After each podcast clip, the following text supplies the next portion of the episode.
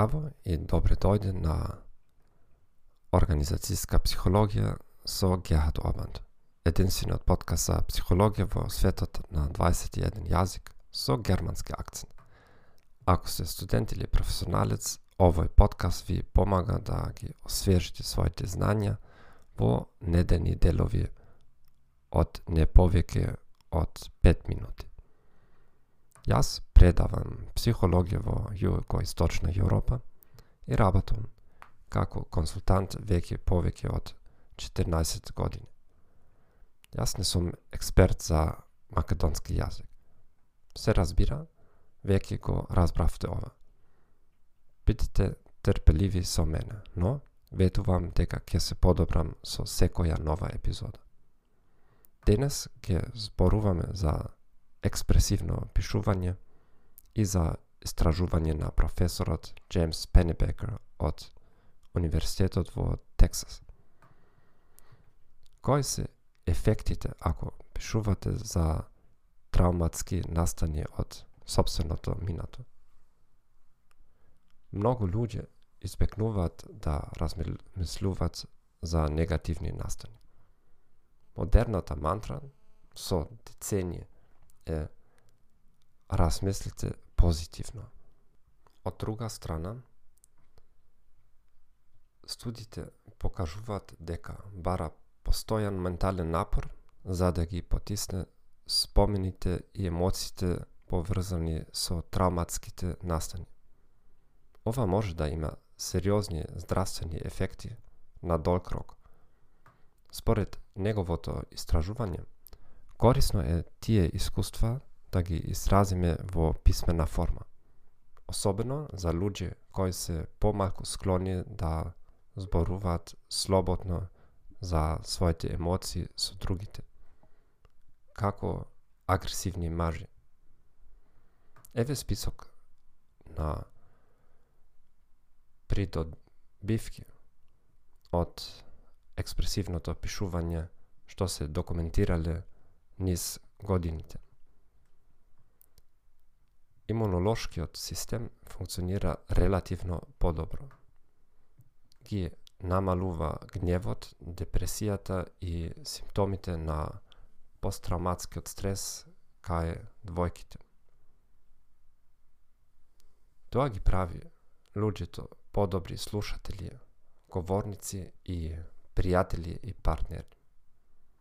Во повеќето студии на професорот Пенебекер, учесниците мора да објават травматски настани со писмена форма 3 или 5 дена за околу 20 минути секоја сесија. Еве типична инструкција.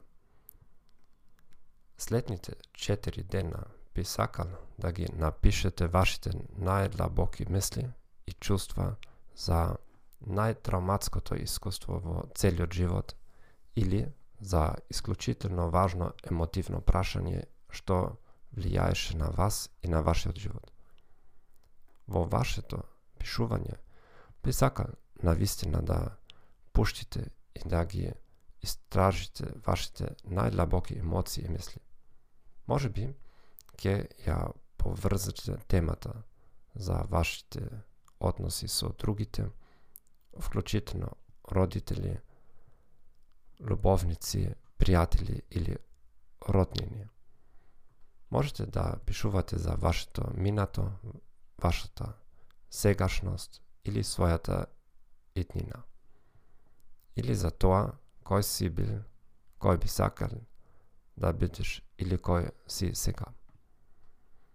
Може да пишувате за исти општи теми или искуства за сите денови на пишување или за различни теми секој ден. Целото пишување ќе биде целосно доверливо. Се разбира, корисноста на техниката е веднаш разбирлива во клинички случаи за жртви на насилство и злоупотреба, за преживење од војна или болести, или по шокантни животни настани како развод или смрт на сопружник или дете. Еве ги резултатите од студијата за истражување што е директно релевантно за работното место. Средновечни технички експерти кои били отпуштени пет месеци пред почетокот на студијата имале поголема веројатност повторно да бидат вработени доколку пишуваат пет дена за травмата на нивната загуба во работата. Учесниците во контролната група пишува само за собственото управување со времето. Цитат. 8 месеци по сесиите за пишување 52% од групата со експресивно пишување има добиено нови работни места. Споредено со само 20% од учесниците во управувањето со времето. Двете групи отидоа на ист број интервјуа. Единствената разлика е во тоа што на експресивните писатели им беа понудени работни места.